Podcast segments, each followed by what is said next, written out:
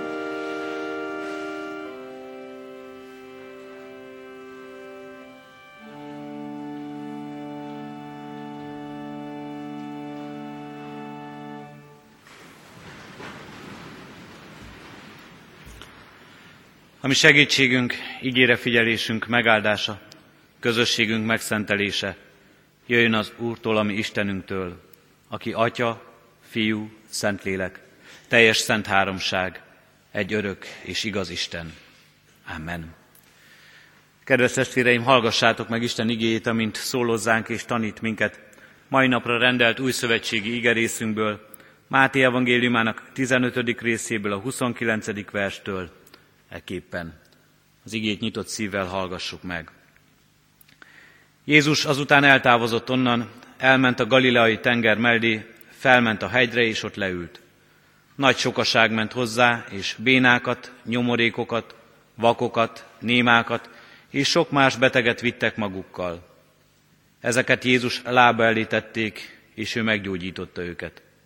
A sokaság pedig csodálkozott, amikor látta, hogy a némák beszélnek, a nyomorékok épek lesznek, a bénák járnak, a vakok pedig látnak, és dicsőítette Izrael Istenét. Jézus ekkor odahívta a tanítványait, és így szólt. Szánakozom a sokaságon, mert már három napja velem vannak, és nincs mit enniük. Éjesen pedig nem akarom őket elbocsátani, nehogy kidőljenek az úton. Tanítványai így válaszoltak. Honnan volna itt a pusztában annyi kenyerünk, hogy jól lakassunk ekkora sokaságot? Jézus megkérdezte tőlük, hány kenyeretek van? Ők így feleltek, hét és egy kevés halunk. Ekkor megparancsolta a sokaságnak, hogy telepedjenek le a földre. Azután vette a hét kenyeret és a halakat, hálát adott, megtörte és a tanítványok, tanítványoknak adta, a tanítványok pedig a sokaságnak. Minnyáján ettek, és jól laktak. Azután összeszedték a maradék darabokat hét telekosárral. Négyezer férfi volt, aki evett az asszonyokat és a gyermekeket nem számítva. Ezek után elbocsátotta a sokaságot, beszállt a hajóba, és lement Magadán vidékére. Eddig Istennek írott igéje. Jöjjetek testvéreim, válaszoljunk a megszólító szóra, s hajtsuk meg fejünket, imádkozzunk.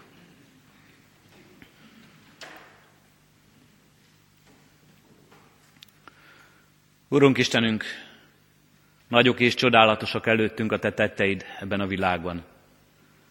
Nagy és csodálatos, és felfoghatatlan számunkra ez a teremtett világ, ennek sok csodája és titka, és az, hogy ez mind-mind nekünk szolgálhat a Te akaratod szerint. Nagy és csodálatos ebben a mi életünk, Urunk Istenünk, melyet Te hívtál létre.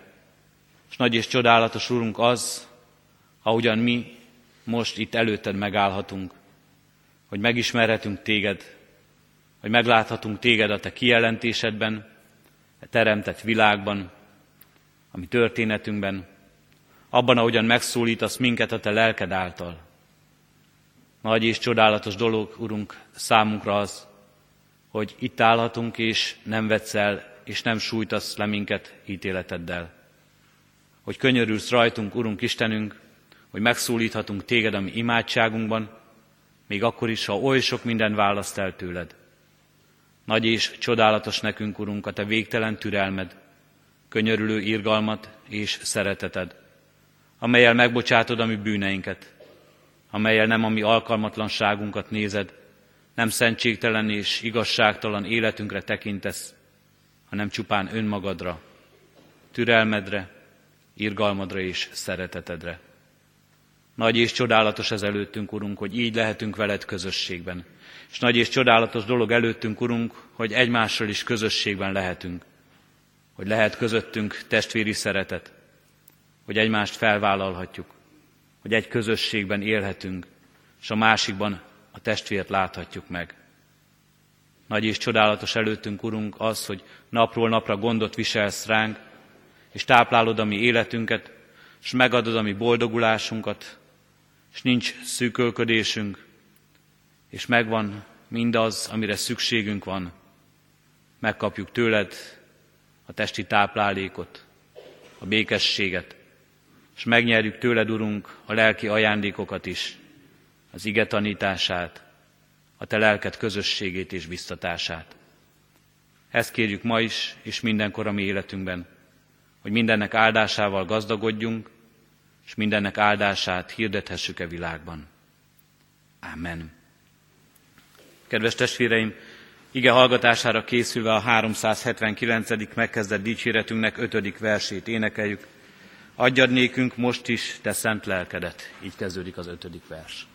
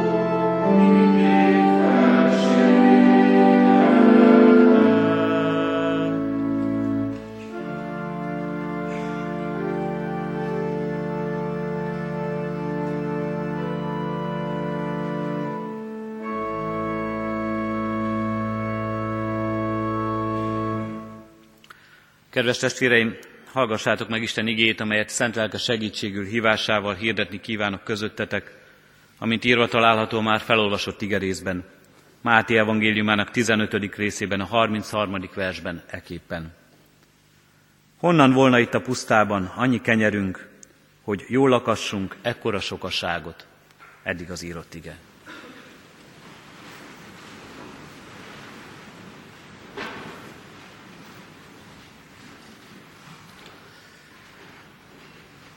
Kedves testvéreim, a több ezer ember megvendégeléséről szóló történetek az evangéliumok leggyakrabban szereplő történetei. Ez a történet, amelyet ma olvasunk, amelyet ma, amely ma szólt hozzánk, a négyezer ember megvendégelése is megtalálható egy másik evangéliumban. És van egy ehhez nagyon hasonló történet, az 5000 megvendégeléséről szóló, amely pedig mind a négy evangéliumban előfordul. Több ezer ember megvendégelése nagyon fontos, hiszen az evangéliumokban összesen hatszor találkozunk ezzel a történettel. Arra utal ez, hogy nagy jelentősége volt az ősegyházban, hogy ezt a történetet újra és újra olvashassák az emberek, hogy a Szentírásban ilyen hangsúlyosan jelen legyen, hogy többször előforduljon.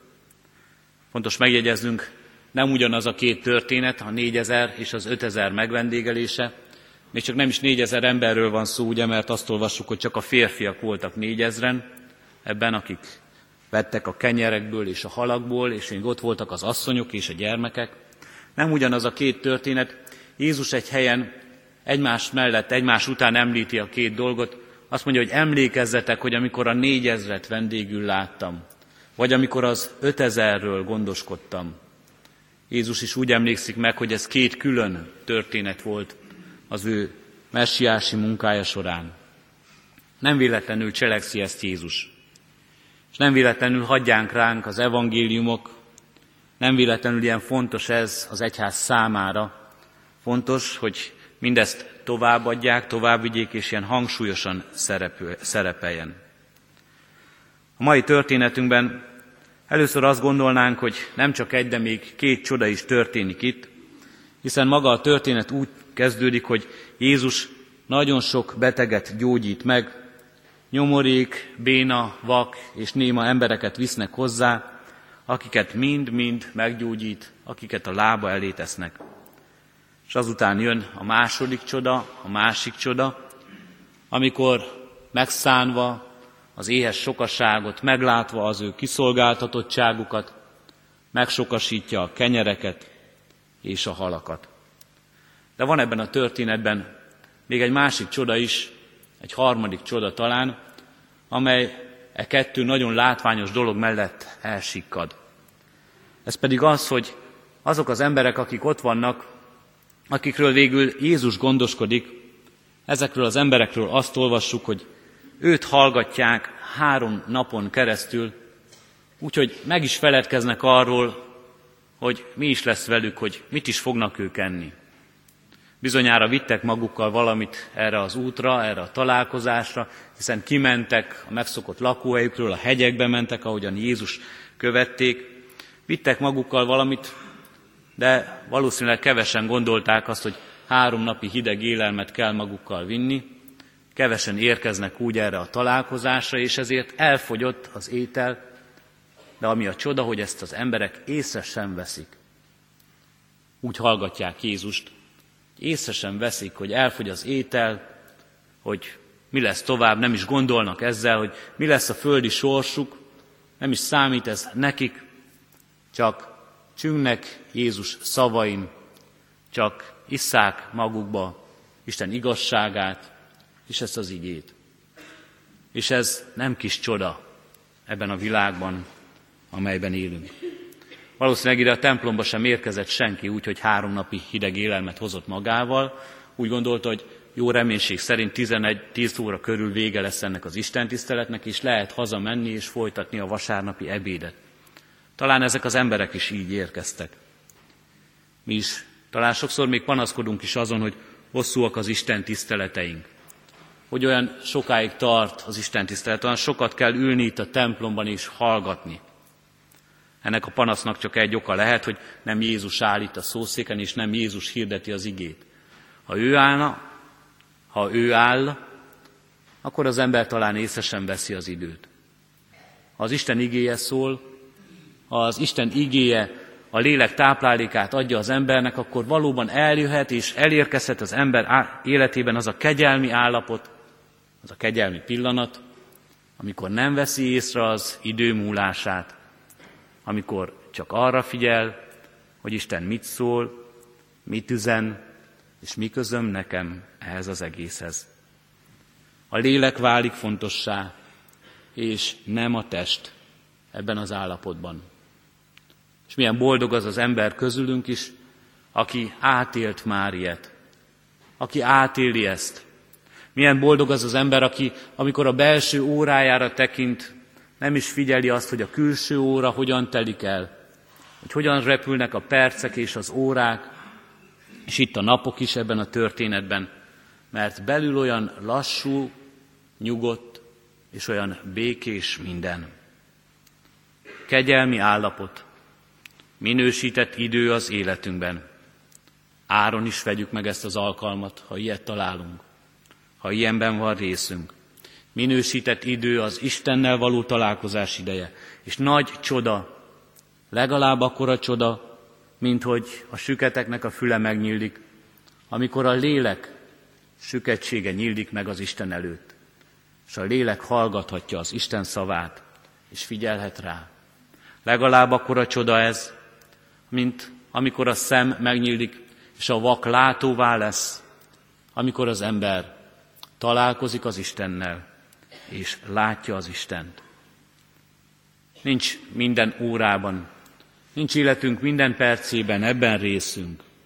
Nem lehetünk mindig Istennel ebben a közösségben, ebben a szoros közösségben, és ennek talán nagyon sokszor, és leginkább, legtöbbször mi magunk vagyunk az akadályai, valami visszaránt minket a földi valóságba, valami szükség.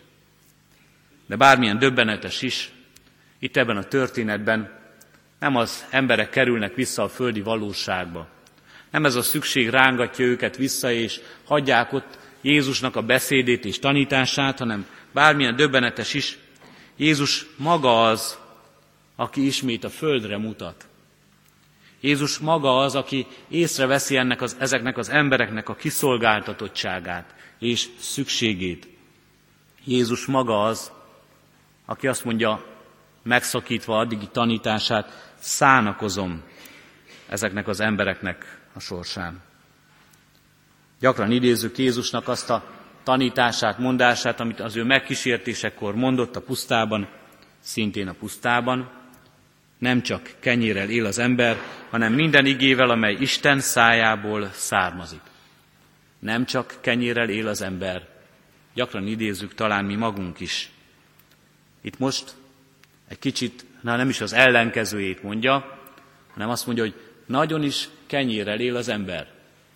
Figyeljetek oda, figyeljünk oda. Én látom az embereknek a kenyér gondját, a kenyér baját. Látom az embereknek az éjségét, látom a szükségét az embernek, hogy erre is szüksége van. Ez is nagyon fontos. És az a történet bármennyire is emelkedett, és bármennyire is lélektől átjárt történet, nagyon is a földi valóságról is szól. Arról is szól, és arra is figyelmeztet minket, ami a földi élethez szükséges és elengedhetetlen az ember életében. És ebben a történetben, ahogyan ez kibontakozik, ahogyan Jézus erről szól, és ahogyan erre majd a megoldást látjuk a történetben, van egy másik nagyon fontos és fontos üzenettel bíró struktúra számunkra, egy csodálatos kép, ahogyan mindezt Jézus megcselekszi. Mert Jézus az Isten fia, Jézus a csoda tévő, és a szenvedő emberek között, a kiszolgáltatott emberek között, a sokaság között ott vannak a tanítványok. A szószoros értelmében közöttük vannak. Ők azok, akik Jézus kezéből elveszik a kenyeret, és továbbadják az éhező embereknek. Ez a nagy és örök kép az, ami talán leginkább olyan fontossá teszi ezt a történetet, ahogyan ez minden hasonló történetben is megjelenik, a tanítványok, amint ott állnak Jézus és a kiszolgáltatott tömeg között, és itt válnak igazán tanítványokká. Ez az a kép, amit talán az egyház, az ősegyház is meglátott, és amit tovább akar örökíteni, és ez az, ami nekünk is legyen már egy fontos üzenetté, nekünk, mai tanítványoknak. Hol a helyünk, mi a feladatunk, mit kell tennünk ebben a világban, mi a mi küldetésünk. A tanítványok ott állnak Jézus és a világ fiai között, és itt igazán tanítványokká válnak, tanítványá válnak. Előtte ugyanolyan emberek, mint a többiek ebben a tömegben. Előtte ugyanúgy csak hallják, és többé vagy kevésbé értik és szeretik azt, amit Jézus mond. Előtte ők is szemlélik, látják és ámulva fogadják a csodákat, amelyeket Jézus tesz. De ekkor, ebben a pillanatban, amikor a kenyerek szétosztására kerül sor, valami különleges méltóságot kapnak ezek az emberek. Ott állhatnak, ott kell, hogy álljanak Jézus és az emberek között. Ez az, ami a keresztény életnek az egyik legcsodálatosabb képe az egész Szentírásban. Valami olyasmire tanít, ami talán sok szempontból más, mint ahogyan különben gondolkoznánk. Mert hogy ebben a történetben nem arról van szó, hogy a tanítványok értik és tudják, hogy mi a feladatuk, és megcselekszik. A történetben éppen azt látjuk, hogy a tanítványok értetlenek. Nem is értik, hogy Jézus mire gondol, és ők, ők maguk kérdezik, hogy vajon honnan vennénk, honnan volna itt a pusztában annyi kenyerünk, hogy jól akassunk ekkora sokaságot. Talán értik valahol, hogy Jézus mit akar, hogy ez a nép nem menjen el üres gyomorral a hosszú útra.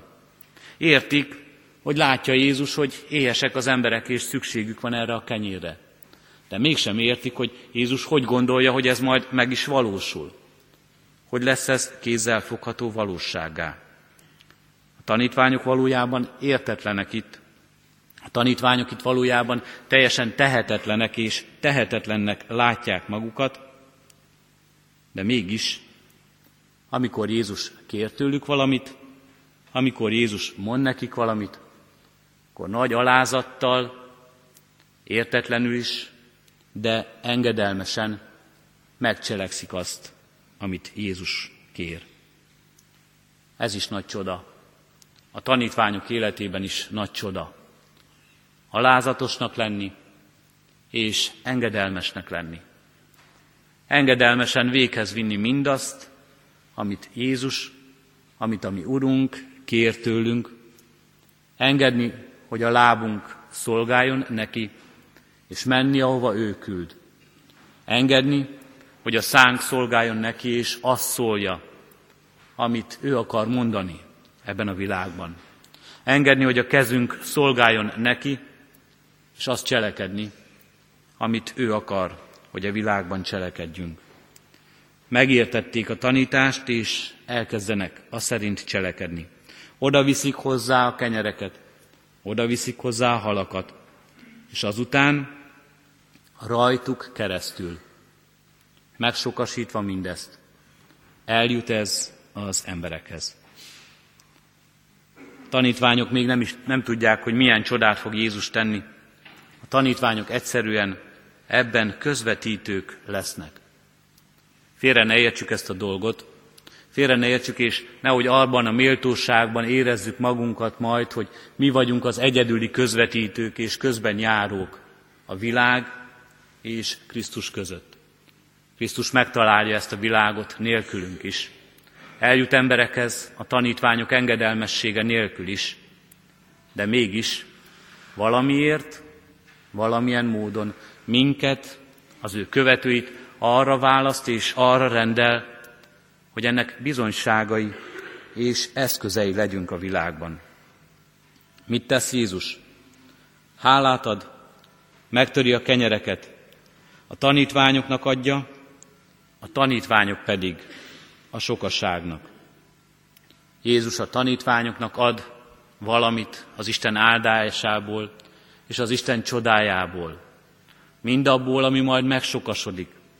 És megsokasodik a tanítványok kezén keresztül is, mert ahogyan ők adják tovább, soha nem fogy ez ki. És a tanítványok adják tovább azoknak az embereknek, akik körülöttük vannak. Ez a történet itt egészen konkrétan a kenyér csodája. Egészen konkrétan a kézzel fogható csoda. Kenyérről, halakról, élelemről szól ez a csoda. Arról, amire a, test, amire a testnek van szüksége. Így is, és ez is megtörténik, és megtörténhet. Kedves testvérek, több mint tíz éve élek ebben a gyülekezetben, és figyelem ennek a gyülekezetnek az életét. Azt tudom mondani jó bizonysággal, kedves testvérek, hogy ez a mi csodánk is. Nem veszük talán olyan könnyen észre ezt a csodát, de ez a mi csodánk is. A gyülekezetünk, bizottságaink, presbitériumunk foglalkozik most a költségvetésével ennek a gyülekezetnek. És ha visszatekintek csak arra az időre, amikor én láttam mindezt, mindenkor ezt a csodát éltük meg, hogy amikor adunk, amikor valamit Jézus ad nekünk, és mi azt továbbadjuk, akkor az megsokasodik. Akkor az elég lesz.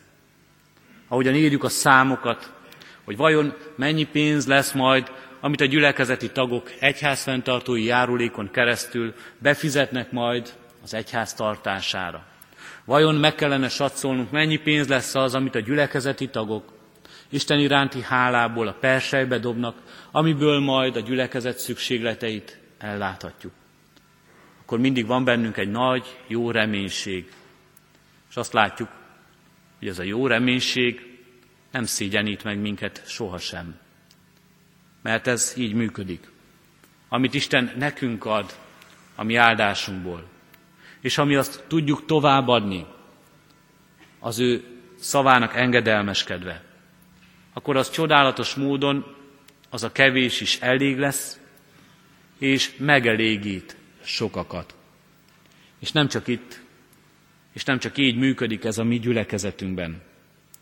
Talán jó bizonyságai lehetünk ennek egyen-egyenként is, amikor azt láttuk, hogy mindaz, amit tőle kapunk, az nagy áldás, és az nagy kegyelem, és az nagy szükséget be tud tölteni az ő akarata szerint. Amikor Jézus ad, és amit Jézus ad, és azt mi nem tartjuk meg magunknak teljesen, minket is, és másokat is meg tud elégíteni ebben az áldásban. Pedig valójában valljuk meg őszintén, mi is mindig onnan indulunk, hogy elhangzik a nagy kérdés, elhangzik a nagy kérdés, amely sokszor meg is rémiszt minket. Honnan volna itt a pusztában annyi kenyerünk, hogy jól lakassunk ekkora sokaságot?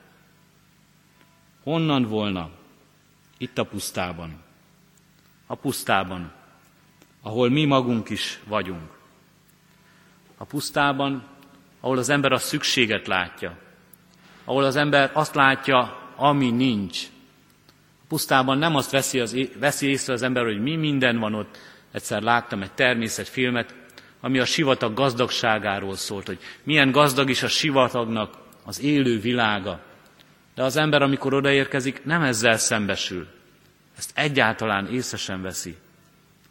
A puszta az a hely, ahol mi magunk is vagyunk, nagyon gyakran vagyunk, hogy mennyi minden hiányzik-e világból. Mennyi minden nincs, amire pedig talán nagyon szükségünk lenne. És az a történet még arról is szól, hogy Jézus közelében is lehet puszta. Ott van Jézus, és Jézus a pusztában, de az ember a pusztát látja, a szükséget, ami hiányzik. Mennyi minden élethelyzetünk van, mennyi olyan élethelyzetünk van, amikor ezt látjuk és így éljük meg az életünket. Ezt látjuk, hogy mi hiányzik, mire lenne szükségünk. Milyen szegények vagyunk, milyen kevés az anyagi lehetőségünk, hogy boldoguljunk, hogy többre jussunk. Milyen kicsik vagyunk, milyen erőtlenek vagyunk. Mennyi mindenre lenne szükségünk, mekkora erőre, hogy számítsunk, hogy sokra tarthassuk magunkat, hogy az önértékelésünk rendben legyen. Milyen gyengék és elesettek vagyunk, betegek vagyunk. Betegek vagyunk, és milyen nagy szükségünk lenne, hogy egészségesek, erősek lehessünk, hogy bírjunk. Milyen sok pusztasága van az életünknek, amikor azt látjuk, és azért sírunk, és azért kesergünk, és azért hajtjuk le a fejünket, és horgasztjuk le a fejünket, mert látjuk, hogy mennyi minden hiányzik. És ott van a kérdés, honnan volna itt a pusztában? Honnan volna a kenyér? Honnan volna az, ami betölti a szükséget? Honnan adjunk ennek a világnak, amikor nekünk sincs kenyeret, gazdagságot, anyagi javakat? És honnan adjunk ennek a világnak, amikor mi is hiával vagyunk békességet, amelyre vágyik ez a világ? Honnan adjunk ennek a világnak jó szót, amely vigasztalni tud, reménységet, amelyben az ember előre tud tekinteni. Honnan adjunk ennek a világnak, amely a pusztában van, közösséget, olyan közösséget, amelynek tagja lehet, és ahol értékesnek érezheti magát, ahol otthon érezheti magát. Honnan adjunk ennek a világnak hitet? Kérdezzük ma is, és kérdezi ma is az ember. És a válasz ebben a történetben is ott van, és a választ mi magunk is tudjuk. Hát higgyük is el, Istentől jön ez. Nem mi adjuk. Azt olvassuk ebben a történetben. Krisztus az, aki hálát adott. Krisztus az, aki megtörte, és ő adta a tanítványoknak. A tanítványok pedig nem tettek mást, csak továbbadták a sokaságnak. Tőle kapjuk, ma is, most is, mi is. Tőle kapjuk a kenyeret, az anyagi javakat, a lehetőségeinket. Tőle kapjuk a békességet, tőle kapjuk a jó szót, az evangéliumot, az örömhírt. Tőle kapjuk a reményt, tőle kapjuk a vigasztalást, tőle kapjuk a közösséget, és mi ezt így adhatjuk tovább másoknak. Ez a tanítványok szerepe, léte, létének értelme e történetben. És ez a mi küldetésünk is e világban. Áldja meg ezt az Úristen, hogy valóban úgy tudjunk szólni, úgy tudjunk cselekedni, élni e világ előtt, hogy az Isten fiainak mutatkozhassunk. Amen. A megkezdett 379. dicséretünknek hatodik versét énekeljük válaszul az igére. Dicsértessék már az Atya Úristen!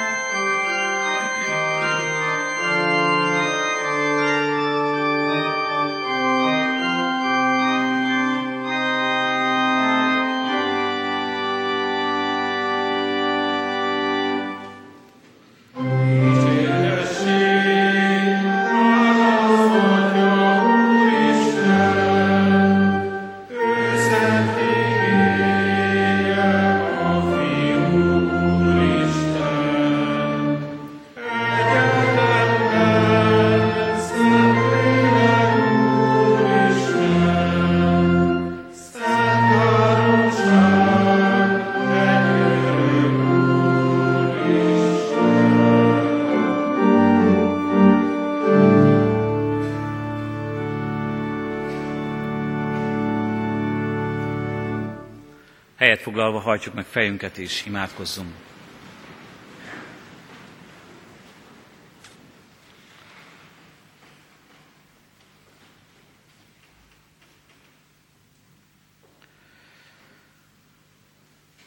Urunk Istenünk, megvalljuk előtted, bár Te jól látod azt, hogy sokszor bizony kétkedve és hitetlenkedve kérdezzük mi magunk is, önmagunktól, a világtól tehetetlenül széttárva karunkat, és tőled is kérdezzük, honnan volna az, ami szükség ebben a világban, amit mi adhatnánk, mert magunkat gyengének, elesetnek, kiszolgáltatottnak, szomorú szívűnek, kétségek között vergődőnek látjuk.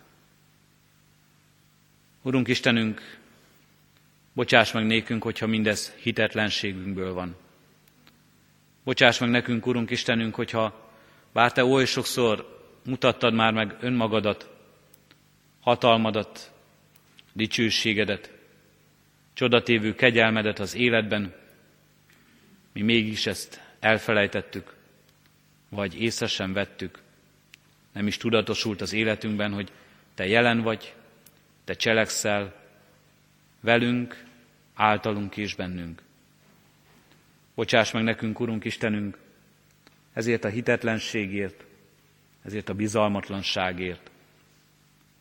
Úgy hozzuk elé, Urunk, ezeket a kérdéseket, mint amiért most hálás a szívünk, hogy megkaptuk rá a választ.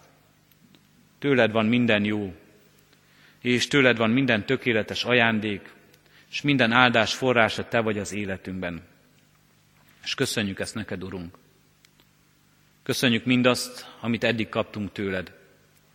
Köszönjük, Urunk, a testi, anyagi javakat. Köszönjük, Urunk, egymást, a testvéreket. Köszönjük a szeretteinket, akik gazdagították életünket, és akik áldásul szolgáltak nekünk. És köszönjük neked, Urunk, amikor a próbákban, a nehézségekben, a kiszolgáltatott élethelyzetekben rámutattál arra, hogy Te itt vagy, jelen vagy, és meg akarsz tartani minket, és megajándékozol minket. Köszönjük, Urunk, amikor erre éppen valaki más taníthatott meg. Valaki más akin keresztül munkálkodtál a világban. És köszönjük, Urunk Istenünk, és kérünk, hogy mi magunk is lehessünk ilyenekké. Mi magunk is lehessünk így tanítványokká, hogy rajtunk keresztül juttatod el áldásodat a világban, s hívod fel a világ fiainak figyelmét. Milyen nagy csoda a veled való közösség. Mennyi áldás és mennyi gazdagság származik abból, ha valaki hittel rád bízza az életét.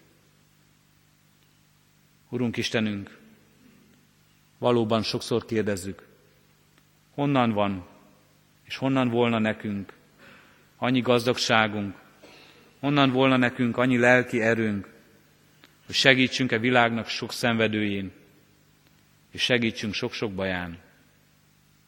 És köszönjük, ha megláthatjuk, honnan van, ahonnan mi is kapjuk, tőled, mert Te vagy ennek forrása.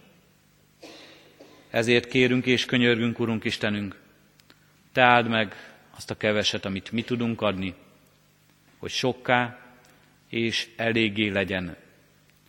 Kérünk és könyörgünk, Urunk Istenünk, Te ajándékozz meg azokat a gyenge emberi szavakat, amelyek rád mutatnak, amelyek rólad szólnak, hogy az igazi vigasztalás lehessen mindazoknak, akik a gyász terhét hordozzák. Mert Te szólalsz meg abban. Mert az örök élet reménysége szólal meg abban. És kérünk és könyörgünk, Urunk, Te áld meg véges emberi tudásunkat, gyenge emberi akarásunkat, amikor odaállunk betegek, nyomorultak, kiszolgáltatott emberek mellé, segíteni próbálunk rajtuk. Hogy ebben a segítésben ők többet kapjanak emberi erőnél. Ott legyen benne a te aláhajló szereteted, a te könyörülő írgalmad. És kérünk és könyörgünk, Urunk Istenünk, Te áld meg a mi közösségeinket. Hogy amikor arról szólunk, és amikor arra vágyunk, hogy növekedjünk, tesz szerint is, akkor legyen elfogadás, nyitottság a szívünkben, hogy befogadhassuk mindazokat, akik vágyakoznak ebbe a közösségbe, akik vágyakoznak az embertársaik szeretetére, odafigyelésére és törődésére, és akik vágyakoznak utánad. Kérünk és könyörgünk, Urunk, így áld meg minket, egyen-egyenként tanítványaidat, így áld meg a mi családjainkat, így áld meg a mi gyülekezetünk, és a mi egyházunk közösségét. Kérünk és könyörgünk, Urunk Istenünk, lehessünk mindenkor rád figyelő, neked engedelmeskedő, hűséges tanítványaid. Hallgass meg most csendes imádságunkat.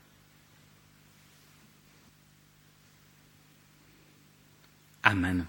Jöjjetek testvéreim, most együtt is imádkozzunk Jézustól tanult imádságunkkal. Mi atyánk, aki a mennyekben vagy, szenteltessék meg a te neved. Jöjjön el a te országod, legyen meg a te akaratod, amint a mennyben, úgy a földön is. Mindennapi kenyerünket add meg nékünk ma, és bocsáss meg védkeinket, miképpen mi is megbocsátunk az ellenünk védkezőknek. És ne vigy minket kísértésbe, de szabadíts meg a gonosztól, mert Tiéd az ország, a hatalom és a dicsőség, mind örökké. Amen. Az Istennek békessége, amely minden értelmet felülhalad, meg fogja őrizni a ti szíveteket és gondolataitokat a Krisztus Jézusban. Amen. Isten tiszteletünk végén testvérek a 196. dicséretünket énekeljük, a 196-os dicséretünket, mely így kezdődik, mondjatok dicséretet keresztjének az Úristennek.